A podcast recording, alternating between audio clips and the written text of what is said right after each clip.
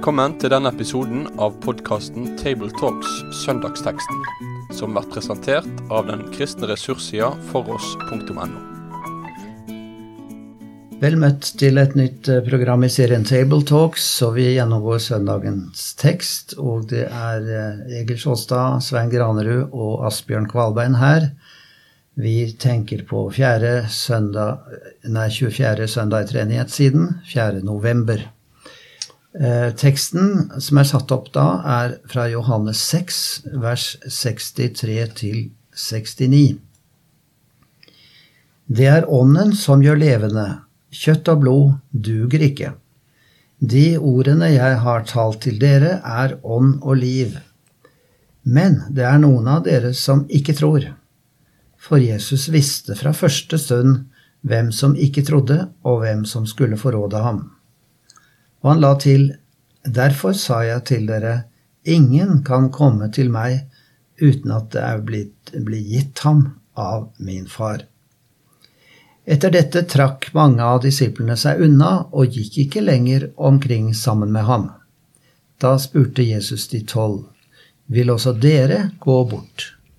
Simon Peter svarte, Herre, hvem skal vi gå til? Du har det evige livs ord og vi tror og vet at du er Guds hellige. Jeg tror det kan være nyttig å summere opp litt dette kapittel seks hos Johannes, som er veldig innholdsrikt og dramatisk, kan en si. Det begynner med at Jesus metter 5000, og da er det faktisk eh, slik at noen vil tvinge Jesus til å bli konge. Um, Jesus forsto det slik at de ville komme til å gjøre det og derfor trekker han seg bort. Og så drar de over havet eller sjøen der, og disiplene kommer i storm. Jesus kommer til dem. Og så er det nok et under da at eh, Jesus kommer på andre siden, og folk skjønner ikke hva som har skjedd. Men de er opptatt av Jesus som har gitt dem brød, og de ønsker seg enda mer av det. Og da er det at Jesus må lære dem og sette dem litt på plass. Det viktige er ikke å tenke på brød for dette livet, men det er å tro på jeg, meg som er livets brød. For den som kommer til meg, skal ikke hungre, og den som tror på meg, skal aldri tørste, sier han. Så blir det en kraftig diskusjon, da, eh, omkring dette, og folk eh, reagerer på det Jesus sier. Men Jesus må igjen si det er ingen som kommer til far uten ved meg. Eh, og eh, ingen kan komme til meg uten at far som har sendt meg, drar ham, og jeg skal reise ham opp på den siste dag, vers 44. Og så snakker han om altså den nye mannaen som, som eh, de har hørt om, Moses fikk i ørkenen, og hans folk. Men nå gjelder det rett og slett å spise min kropp og drikke mitt blod. Da har en evig liv. Vers 54. Og mange blir støtt. Mange faller fra. Og vi hører jo da også i begynnelsen av vår tekst at eh, folk reagerer kraftig, og de var mange som ikke lenger trodde på ham. Hva skal vi si om denne teksten, brødre? Det er jo bra tror jeg, for predikanten å gjøre litt som du gjorde nå, Asbjørn, og sette den i sammenheng med det som har skjedd. Eh, det brødunderet som, som vi leser om i starten av kapittelet, eh, tematikken derifra dukker jo opp videre framover. da. Jesus som livets brød. Og det er klart at den som begynner å preike om seg sjøl som mat du er nødt til å ha for i det hele tatt å få evig liv, det er meg, da, da, skjønner vi at noen må reagere hvis de ikke allerede kjenner litt til hvem Jesus er, og har erfart Jesus. Så både hvem Jesus var, og hva han ville gjøre, eller ville bety, det ble en anstøtsten for folk. Så det er nok en av hovedgrunnene til at de forlater Jesus, da vender ryggen til Jesus, går bort. Nei, Jeg syns det er veldig greit at Johannes tok med den beretningen her. Han, jo, han velger ut noen flere, noen færre slike beretninger enn disse kollegaene hans, Matteus, Markus og Lukas. Men så gir han ofte litt mer ord på disse beretningene, så vi får noen perspektiver som Johannes er alene om. Denne her syns jeg er veldig tøff, fordi det begynner altså med et brødunder. Og så begynner Jesus å undervise, og så blir det nok en gang bråk og harde debatter med jødenes ledere. Skriftlærde fariseerne skriver de andre om. Så, så, det er jo en dramatisk beretning her, og som, og som, ender med at de fleste vender ham ryggen. Og så er det disse få som står igjen og lurer på hvem de skulle gå til. Nei, de får bli hos Jesus. Så dette her er en beretning med nerve, altså, for å si det sånn. Så, så litt sånn gjenfortelling av det er kanskje ikke så, ikke så, ikke så galt. Det, det, var tøft å møte en som eh, ikke bare gjorde godt, men som også talte sånn at man ble satt på valg. Ja, det er kanskje ikke så dumt å ta med seg det. At Jesus eh, gjorde faktisk det. Det er jo de som mener at eh, Johannes tok med dette fordi at det kanskje tidlig var en del som eh, foraktet nattverden som et nådemiddel, og som det er veldig nærliggende å åndeliggjøre den, men å, å, si hvor konkret Jesus er Gud og menneske, det kom jo fram her veldig sterkt. Men det er jo også veldig interessant at det tekstavsnittet vi leste, vers 60 3-69, det nevner ordet to ganger. Og det ene er jo at de ordene jeg har talt til dere, er ånd og liv. Og Peter svarer vi kan ikke gå til andre, for det er du som har det evige livs ord. Mm. Så vi skal ikke uh, si at dette er en sakramentalistisk tekst, for å si det sånn. Det er ordet som står i fokus, men ordet er ikke noe så luftig som vi vil gjøre det til. Vi snakker i dag om bare ord, men altså Jesu ord er så mye, mye mer. Eh, og det er jo det som kanskje er eh, noe av anstøtet og grunnen til frafallet. At man ikke ser livskraften i Jesu ord. For Johannes bare si det kort, eh, for Johannes er dette at Jesus som ordet ble menneske og tok bolig blant oss, jf. kapittel 1 det er jo noe av det han på en måte legger som grunnpremiss for alt det han senere utvikler. Johannes vil slå fast at det ordet som skapte, og som alt er blitt til ved, det er ikke bare vist seg sånn flyktig, men det er blitt menneske og tatt bolig blant oss. Så vi så han, sier han. Hans herlighet. Så det ligger på en måte under hele veien her at Jesus ikke bare er ord som lyder, men ordet som han skriver i første Johannesbrev, som våre hender tok på. Så det er et fysisk ord. Du har den dobbeltheten der mot slutten. da, Du har det evige livsord, og vi tror og vet at du er Guds hellige. Så det Jesu budskap, da, om vi skal si det sånn med ord, altså det som er budskapet om Jesus og av Jesus, også det Jesus sjøl. Den Guds hellige. Eh, du har det evige livsord. Det er jo det ord som Jesus har forkynt også før i kapittelet. Jeg er livets brød. Det er der det evige liv ligger, i Kristus og i forkynnelsen om ham. Så slår det meg også at her er det jo i hele sammenhengen en, en veldig sterk understrekning av treenigheten. Altså forholdet til far. Faderen er jo mm. det viktige, og Faderen handler eh, aktivt ved å sende Jesus, og vi kommer ikke til far uten gjennom ham. Og så nevnes Guds ånd flere ganger. At det er ånden som kaller. Det er ånden som gjør levende, begynner jo denne teksten vår om. Kjøtt og blod duger ikke. Det er Guds hellige ånd som det er ånd og liv i. Så Jesus fremstiller slett ikke noen blodfattig kristendom. Altså den er så gjennom eh, teologisk forankret i hele Eh, den treenige Gud. Og det er jo dette som vekker anstøt, tydeligvis, da. Og noen trekker seg tilbake og ikke tror lenger. Fordi de kanskje har laget seg et bilde av Jesus enten som den store undergjører eller den imponerende vismannen. Men han er så mye mer. Han er en person vi må få mest mulig del i på alle måter vi kan få del i ham. Mm. Jeg bare fikk en assosiasjon her. nå til apostlenes ord, som ikke omtales med mindre overraskende uh, virkekraft. I Jesu avskjedstale og i bønnen han ba etterpå, så sier Jesus, jeg ber ikke bare for disse, men også for dem som ved deres ord, altså apostlenes ord, kommer til tro på meg. Så når apostlene forkynner om Kristus, så er det som om Kristus sjøl trer fram. og er der med ånd og liv. Ja da, og i Efeserbrevet, hvor Paulus taler om rustningen, så står det at åndens sverd er Guds ord. Så vi som ønsker å stride den gode strid, og Bibelen bruker av og til krigsretorikken, da, altså på det, noe så godt som det å bygge Guds rike, så er det å bruke Guds ord, det er å, det er å stride med åndens sverd.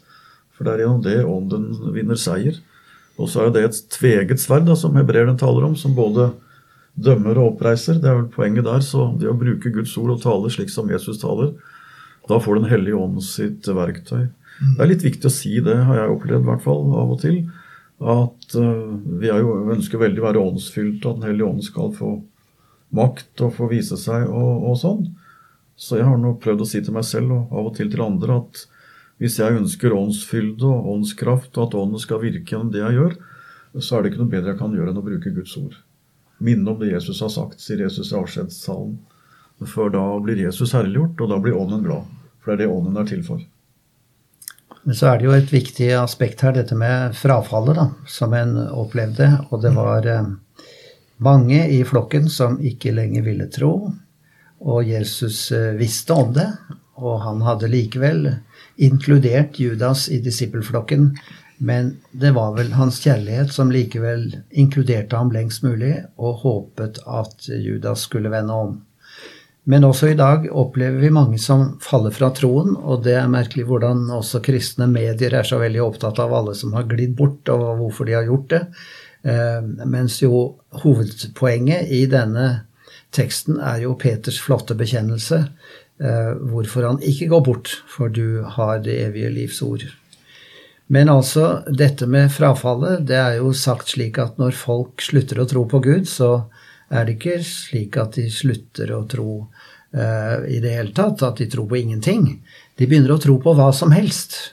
Og det er jo menneskers ulykke at de da blir vaklende eh, og blåsbare hit og dit i denne verden. Og um, Sigrid Undset skal ha sagt det at frafall fra troen og frafall fra, li frafall fra livet kan løpe merkelig parallelt. Altså at når man mister troen, så mister man også dimensjoner ved sitt liv, og, og man forfaller som menneske. En eh, dikter kan sette det på spissen slik, men det er altså veldig konsekvenser å si nei til Jesus. Uh, men eh, Jesus holder fast. Han vil bevare oss. Gud forlater aldri noen før de først forlater ham. Så Jesus viser jo i ett og alt at han vil ha dem, og han sier jo med tårer i øynene, vil jeg nesten anta, i vers 57, vil også dere gå bort. Det er som han gråter, og så sier Peter nei, vi, vi kan jo ikke gå til noen andre enn deg, for du har livets ord, og vi tror og vet. Det er en veldig visshet, det er en veldig glede å høre Peter her. Du er Guds hellige, Guds Messias, han som er utvalgt. Det er ingen vei til himmelen, til Far, uten gjennom deg. Så det er jo det som det hele skal vende opp, uh, ende opp i, at vi har Jesus å tro på. Men har dere tanker om dette med frafall, brødre, og hvordan vi kan forkynne riktig eh, til dem som er i ferd med å gli bort? Ja, og kanskje ikke mindre til alle som bekymrer seg over at vi blir færre. Noen av oss reiser jo en del rundt i kristne forsamlinger, og jeg merker nok mer enn før en viss sånn uh, sorgfull oppgitthet over at, uh, at, det er stadig flere som er uh, indifferente, som det heter på fint, i forhold til religion. Man tror ikke så veldig på noe lenger. Det betyr jo ikke at man ikke tror, men hva tror man på? Og også mer enn før så opplever nok at troens folk er litt mismodige med tanke på hvordan man kan nå dem. For uh, man har ikke felles basis i verken Bibel eller noe som helst. Og så er man hjelpeløs i tøffe debatter om samliv og masse sånne ting. Så man lurer på hvordan kan vi i det hele tatt nå disse som ikke er interessert i. De, de de ingen som er frafallende. Man har aldri hatt noe å falle fra, så vidt man vet. Så Derfor så blir det liksom så annerledes enn det kanskje var for et par generasjoner siden, hvor folk visste tydelig at man hadde tatt et standpunkt å ikke være kristen. I dag er likegyldigheten kanskje mer utfordrende enn det bevisste frafallet. Hva, hva gjør man med det? det? det? sliter mange med. Og vi får drøft, snakke litt om det, vi nå, kanskje. Jeg, jeg, tenker det er viktig å sette ord nettopp på den situasjonen, sånn at folk opplever at vi, vi deler den nøden sammen. Og så må vi kanskje spørre litt hva er det som skjer med en kultur hvor det ikke er frafallet egentlig som vi snakker om, men den likegyldigheten som, som brer seg. Fins det noen vei til å møte mennesker med et vitnesbyrd som er troverdig, når de egentlig ikke har noe behov for å vende tilbake til noe de aldri har vendt bort ifra? Ja, hva sier du til det, Egil? Jeg sitter og grubler litt på de uttrykka om å bli dratt. Faderen eh, drar ham, og, og det, ingen kommer uten at, faderen, at det er gitt ham av Faderen. Og i tredje trosartikkel så sier Luther i forklaringen jeg tror at jeg ikke av egen fornuft eller kraft kan tro. Men, men hva er løsende da? Det er jo Den hellige ånd ved evangeliet. Så, så vi, vi, må også i, innad blant oss kristne oppmuntre hverandre til å få tro på at det å vitne om evangeliet, det har kraft. Også til å vekke opp likegyldige. Og at uh, vi som kristen kirke og forkynnere uh, er frimodige på evangeliets vegne. Uh, Jesus sa en gang at når jeg blir opphøyet fra jorden, skal de dra alle til meg. Og Det er jo nettopp gjennom evangeliet. da. Det er det Faderen drar, Ånden, bruker evangeliet og kaller til tro.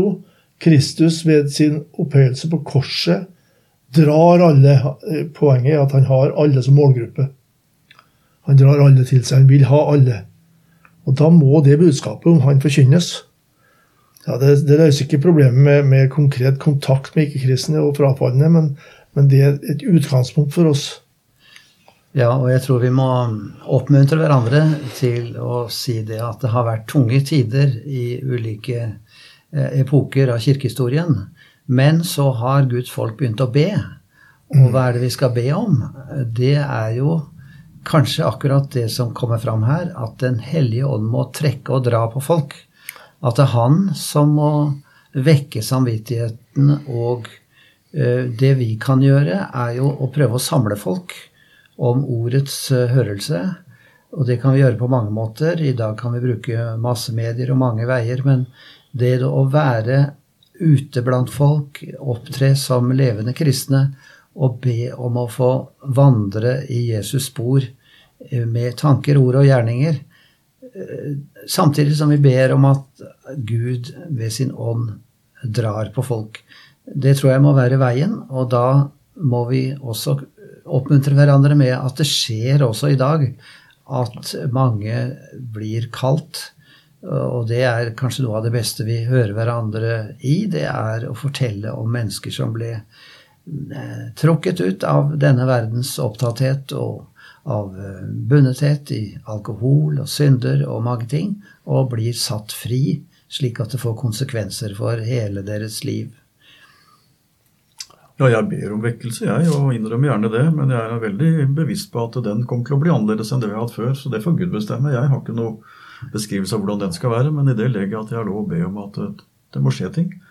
Eh, det er vel to ting jeg er opptatt av, tror jeg, ikke minst som forkynner. Det ene er at vi må aldri slutte å forkynne evangeliet til troens folk. For det er ikke gitt at de bevarer det fordi om de har hørt det en gang. Så, så, sånn at ikke bekymringene tar overhånd for gleden ved å ha evangeliet som livsgrunnlag i troen. Så mer enn noen gang tror jeg det er viktig at vi forkynner evangeliet for troens folk, så at de blir bevart i det og gleder seg over det og kjenner styrken i det. Men så må det ikke bli sånn 'hør hvor det stormer der ute', eller 'hør hvor stille det er ute'. Her er det godt å være. Alt ettersom hva slags virkelighetsbeskrivelse man har. Vi må hjelpe folk og hverandre til å tenke hvordan, hvordan kan jeg være kristen ute i verden i dag? På en måte som er troverdig. Og veldig kort sagt så prøver jeg å si to ting. Det ene er hva vi er, og det andre er hva vi sier. sier. Og det vi er, er iallfall vi skal være sånn som ligner på Jesus, som møtte mennesker på en sånn måte at de opplevde at de brydde seg om dem. Og Det syns jeg er meningsfullt å si, for det går an å være kritisk om andre, andre skjønner at de er det. Disse kristne er kritiske mot oss, og det kan vi kanskje være. Men skal jeg møte dem sånn at de vil lytte til meg, så må jeg møte dem sånn som Jesus møtte. Mange eksempler på det de blir verdsatt. Og jeg må prøve å møte mennesker slik at de skjønner at jeg er glad for å møte dem, at jeg verdsetter dem, at de betyr noe. Det tenker jeg er en grunnleggende holdning som, vi som kristne alltid kan ha og øve oss i. Det er ikke så enkelt som vi tror. Og så tror jeg også at vårt vitnesbyrd kanskje aller mest skal være det som Jesus også taler om i apostelgjerning 1, 9, at vi skal være vitner. Det betyr å dele erfaringer. Og jeg har nok en opplevelse av at ofte så lytter folk mer når jeg deler en erfaring, enn når jeg kommer med et proklamatorisk utsagn. Jeg kan selvfølgelig forkynne et saftig dogmatisk ord, og noen ganger skal vi gjøre det.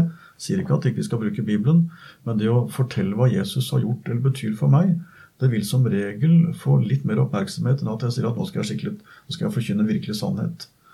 Så jeg tror kanskje jeg ville være der og be Jesus gi meg anledninger til å dele erfaringer med folk. Og så kunne det kanskje være forløperen til at de også er villige til å lytte mer av det ordet som, som jeg næres av, og som vi trenger å høre. Men jeg innrømmer, jeg, jeg syns dette er krevende. Men vi må oppmuntre hverandre, for Jesus har ikke trukket misjonsbefalingen tilbake. Heller ikke på hjemmebane. Nei. Det er noe med at uh, vi må våge å gå det skrittet og bli litt usikker i møte med enkeltmennesket. Våge å aktualisere personlige ting. Og spørre om ting, hvordan folk har det. Uh, vise interesse. Lytte når vi merker en smerte som blir et kontaktpunkt. Det å vise omsorg, det er veldig vesentlig i møtepunktet med de som trenger evangeliet. da. At de merker at jeg er med ei han, så opplever jeg at han er interessert i meg og rekker meg noen ting. Og så har han et budskap som han står for. Det er jo interessant at uh, grunnen til at de eh, reagerte på Jesus, var bl.a. det at uh, de hadde inntrykk av at de skulle frelse seg selv ved sine egne gjerninger. Men Jesus forkynte da at det er troen det kommer an på. Det er ikke gjerningene. Som det står i vers 28-29. Hvilke gjerninger er det at Gud vil vi skal gjøre, spør de. Så svarer Jesus dette er den gjerning Gud vil dere skal gjøre. Dere skal tro på Ham som Gud har sendt. Og det er altså provoserende. Men samtidig så er det jo det som er evangeliet. Det er ikke gjerningene dine som skal berge deg inn i himmelen, men det er at du tror. Så det er en dobbelthet i det. Og det er utrolig hvordan folk er opphengt i det at nei, jeg kan ikke bli en kristen. Jeg kan ikke bli så vellykket som du er. For jeg får ikke til sånne fine gjerninger. Nei, men det er ikke det det kommer an på. Det er troen. Så det å kunne si det på en riktig og åndsbåret måte er nå én ting. Og det andre er det som også er provoserende, er at det er avhengig av åndens kall. Jeg kan ikke gjøre noe med deg, men du kan merke at Den hellige ånd vil ha noe med deg å gjøre og trekke deg til Faderen. Og det er det gode at Gud vil deg det aller beste. Så, så er det det store er å bli tilegnet Jesus, få en levende kontakt med ham. Det er der frelsen ligger. Og, så det er nok en gang hovedsaken i en tekst, det er å tro på Jesus og på hans ord. Så skal vi leve i den doble stemningen, leve i frykt for å falle fra. Det er gudsfrykten, men vi skal være samtidig trygge for at Jesus vil bevare sine. Jeg er fullt viss på at han som begynte en god gjerning i deg, skal fullføre den til Jesu Kristi dag. Og som Peter sa, all nådes Gud, som har kalt dere til sin evige herlighet i Kristus, etter kort tids lidelse, han skal dyktiggjøre, stadfeste, styrke og grunnfeste dere. Og fra første Tessalonikerbrev, han er trofast som har kalt dere, han skal òg gjøre det. Dere kan bli bevart ved å bli hos Jesus. Jeg tror vi runder av samtalen der og takker for det og ønsker lykke til, dere som skal tale over denne teksten. Med det sier vi takk for følget for denne gang. Finn flere ressurser, og vær gjerne med å støtte oss på foross.no.